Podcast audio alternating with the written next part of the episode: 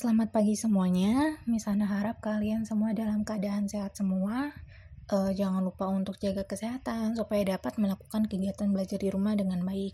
Hari ini kita akan belajar mengenai permintaan dan penawaran yang terdapat di bab 3 uh, eh, di halaman 48. Jangan lupa siapkan pulpen, buku catatan, buku paket kalian untuk mencatat uh, yang pertama kita akan bahas adalah permintaan. Ini permintaan ini ada di halaman 49.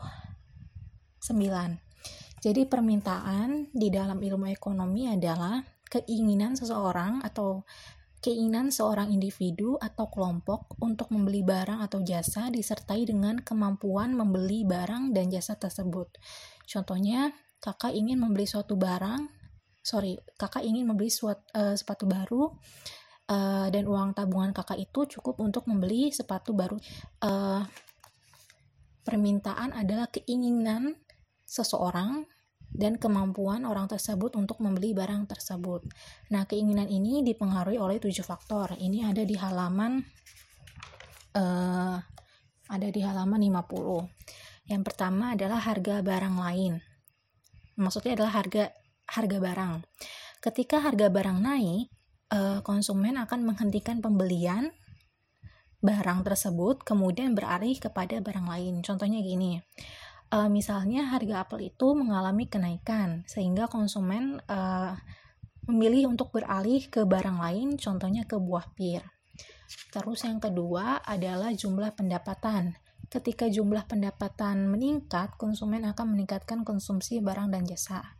Contohnya pada saat hari raya Idul Fitri atau hari raya apa pun itu, biasanya ayah dan ibu kalian itu akan yang bekerja akan mendapatkan uang THR atau tunjangan hari raya. Nah, uang THR itu digunakan untuk membeli baju, sepatu, makanan, dan lain-lain. Kemudian, sebaliknya, ketika jumlah pendapatan menurun, konsumen akan menurunkan jumlah konsumsi barang dan jasa. Contohnya, karena virus corona, banyak orang itu yang kehilangan pekerjaan. Uh, ataupun gaji mereka itu tidak dibayar secara penuh atau dipotong gajinya. Nah, karena pendapatan yang berkurang, uh, orang-orang ini membatasi keinginan untuk berbelanja, seperti belanja sepatu, tas, dan lain-lain, sehingga permintaan itu menurun. Kemudian, selanjutnya yang ketiga adalah jumlah penduduk. Nah, jumlah penduduk ini mempengaruhi uh, permintaan barang dan jasa seseorang, um, permintaan barang dan jasa. Nah, semakin besar jumlah penduduk suatu negara, maka semakin besar juga permintaan terhadap barang dan jasa. Contohnya, Indonesia ini kan memiliki jumlah penduduk yang banyak, uh, penduduknya padat. Terus mayoritas penduduk uh, Indonesia ini mengkonsumsi nasi, sehingga menyebabkan permintaan terhadap nasi itu tinggi. Kemudian, uh, yang keempat adalah perubahan selera masyarakat. Contohnya gini, 30 tahun yang lalu orang-orang itu tidak tidak uh, pernah ataupun mereka tidak mengkonsumsi fast food atau junk food dengan alasan kesehatan. Nah, sekarang orang-orang itu lebih menyukai makan fast food atau junk food dengan alasan lebih praktis. Sehingga permintaan akan fast food itu meningkat. Kemudian selanjutnya adalah perkiraan dan harapan masyarakat. Maksudnya gini, pada saat virus corona itu belum seburuk sekarang, beberapa orang itu sudah memperkirakan kenaikan harga masker yang maksudnya kenaikan harga masker di masa yang akan datang. Sehingga mereka itu uh, memilih untuk membeli masker dengan jumlah banyak pada saat uh, sekarang dengan harapan masker masih dalam keadaan uh, normal. Kemudian hari raya keagamaan. Menjelang hari raya keagamaan, apa pun hari raya keagamaan itu, permintaan akan barang-barang tertentu akan mengalami kenaikan. Contohnya sepatu, baju, makanan, dan lain-lain. Kondisi, sorry, yang terakhir adalah kondisi sosial dan ekonomi. Apabila kondisi di suatu negara itu aman, maka permintaannya itu cenderung stabil atau meningkat. Sebaliknya, apabila kondisi di suatu negara itu sedang kacau, uh, seperti sekarang ada COVID ini, maka permintaan itu uh, cenderung menurun.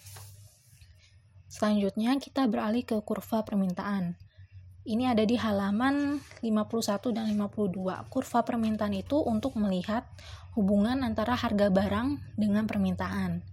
E, semakin rendah harga barang, maka semakin tinggi permintaannya.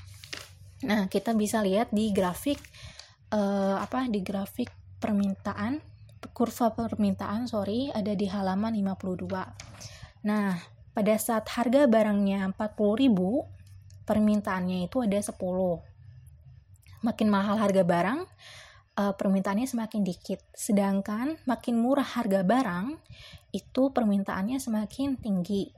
Harga barangnya 30.000 jumlah yang diminta itu ada 35 harga barang 32.000 jumlah yang diminta ada 30 harga barang 34.000 uh, jumlah yang diminta ada 25 dan seterusnya itu ada di kurva 52 Oke, selanjutnya kita beralih kepada penawaran. Jadi, penawaran itu adalah jumlah barang dan jasa yang tersedia uh, yang ditawarkan dari produsen kepada konsumen. Jadi, kalau misalnya permintaan itu adalah keinginan seseorang uh, dan orang tersebut mampu untuk membeli barang tersebut, sedangkan kalau penawaran itu adalah jumlah barang yang tersedianya, gitu.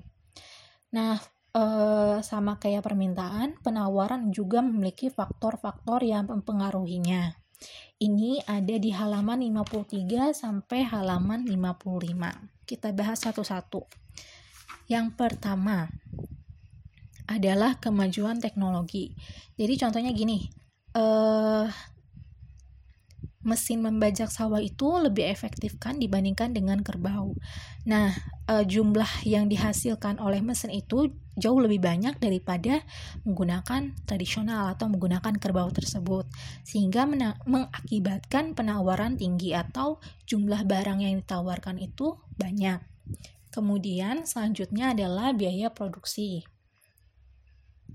Nah, uh, sorry, Contohnya gini, biaya bahan baku itu uh, sangat tinggi, sehingga produsen cenderung mengurangi produksi. Sorry gini, hmm, jika bahan jika biaya bahan baku itu tinggi, produsen cenderung mengurangi produksi yang menyebabkan penawaran itu menurun. Sebaliknya, kalau bahan bakunya itu turun, produsen dapat membeli lebih, lebih banyak bahan baku untuk memproduksi barang dan jasa. Uh, maksudnya gini, produsen, contoh ya, produsen akan mengurangi produksi sambal atau pembuatan sambal kalau harga cabainya naik sehingga menyebabkan penawaran itu menurun. Sebaliknya, kalau misalnya harga hmm, harga cabai ini lagi turun, uh, produsen akan meningkatkan produksi pembuatan sambal. Oke, selanjutnya adalah persediaan sarana produksi. Uh, misalnya gini, misalnya penawaran beras dari daerah tertentu dari daerah tertentu cenderung menurun karena banyak lahan pertanian daerah itu yang berfungsi yang berubah fungsi menjadi daerah industri. Jadi kalau misalnya sarana produksinya itu terganggu, maka e, jumlah barang atau penawaran tersebut akan berkurang gitu. Kemudian meningkatnya jumlah produsen. Hmm, jika penjualan produk dari suatu jenis usaha dianggap mendatangkan keuntungan bagi si produsen, maka uh, produsen akan apa namanya memproduksi barang tersebut. Contohnya, uh, petani cabai, sorry, pertanian cabai itu dianggap menguntungkan dan menyebabkan para petani ini uh, beralih, maksudnya para petani yang bukan petani cabai ini beralih profesi menjadi petani cabai. Kenapa? Karena apa keuntungan tersebut. Kemudian selanjutnya adalah peristiwa alam. Jadi jika ada terjadi bencana alam uh, seperti gunung meletus, banjir, musim kemarau, ataupun bencana ataupun uh, seperti sekarang wabah sekarang yang menyebabkan hasil produksi suatu barang, contohnya padi, uh, apa namanya, akan berkurang drastis. Nah, peristiwa alam tersebut akan mengurangi penawaran barang. Jadi, e, jumlah barang yang tersedia itu berkurang. Kemudian, harapan produsen. Maksudnya gini, jika produsen memperkirakan suatu perekonomian ke depannya akan membaik, produsen akan memproduksi barang yang barang yang apa yang banyak untuk dijual untuk mendapatkan keuntungan. Tapi sebaliknya, kalau misalnya produsen itu memperkirakan ke depannya ini misalnya ada hal-hal tertentu yang menyebabkan perekonomian itu eh, apa namanya memburuk, maka produsen itu cenderung mengurangi eh, apa produksi sehingga menyebabkan eh, penawaran itu menurun. Kemudian uh, yang terakhir adalah harga barang dan jasa. Contohnya barang pelengkap. Tahu lah ya barang pelengkap itu apa? Misalnya kayak pulpen uh, sama pulpen sama tip X atau buku dengan pulpen itu namanya barang pelengkap. Jadi kalau misalnya uh, misalnya langsung kasih contoh aja deh. Jika harga komputer laptop meningkat, penawaran laptop pun akan meningkat sehingga mendorong produsen untuk meningkatkan pula penawaran barang-barang pelengkap seperti laptop, flash disk, dan lain-lain. Jadi kalau misalnya harga suatu barang itu meningkat, maka e, barang pelengkap itu juga ikutan apa namanya produksi barang tersebut, produksi barang pelengkap tersebut e, ikut diproduksi secara banyak. Kemudian barang pengganti. Contohnya, ya barang pengganti kita tahu lah ya, misalnya uh, padi, eh sorry, uh, beras digantikan dengan makanan pokok yang lainnya seperti seperti apa? Ya bahan pelengkap lain lah.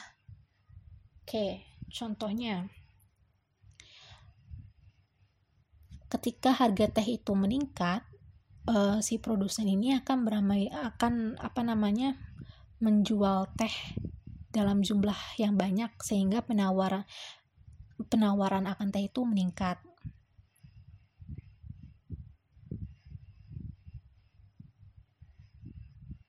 Oke, selanjutnya adalah kurva penawaran. Uh, jadi sama kayak permintaan si apa namanya si penawaran ini memiliki kurva. Nah, kurva penawaran itu untuk melihat hubungan antara harga dan jumlah barang yang ditawarkan. Semakin tinggi harga barang, maka semakin tinggi juga e, penawarannya. Kenapa? Karena semakin tinggi harga barang ini, produsen akan apa namanya memproduksi e, suatu barang dengan banyak eh, apa jadi diharapkan dia mendapatkan keuntungan. Kita bisa lihat ya. Oke jadi harga barang menyentuh angka 40.000 ini ada di tabel 3.2 jumlah yang ditawarkan itu 30 sebaliknya kalau misalnya harganya ini uh, apa namanya harganya turun, maka jumlah yang ditawarkannya juga turun. Gitu. Oke, sekian dulu. Uh, kurang lebihnya mohon maaf. Oke, jadi pertemuan uh, apa hari ini cukup cukup pembahasan itu aja. Semoga kalian paham apa yang misalnya sampaikan. Oke, dan di pertemuan selanjutnya mungkin kita akan membahas tentang pasar dan harga. Jadi nanti misalnya akan kasih soal berkaitan dengan pasar dan harga. Oke, selamat pagi semuanya.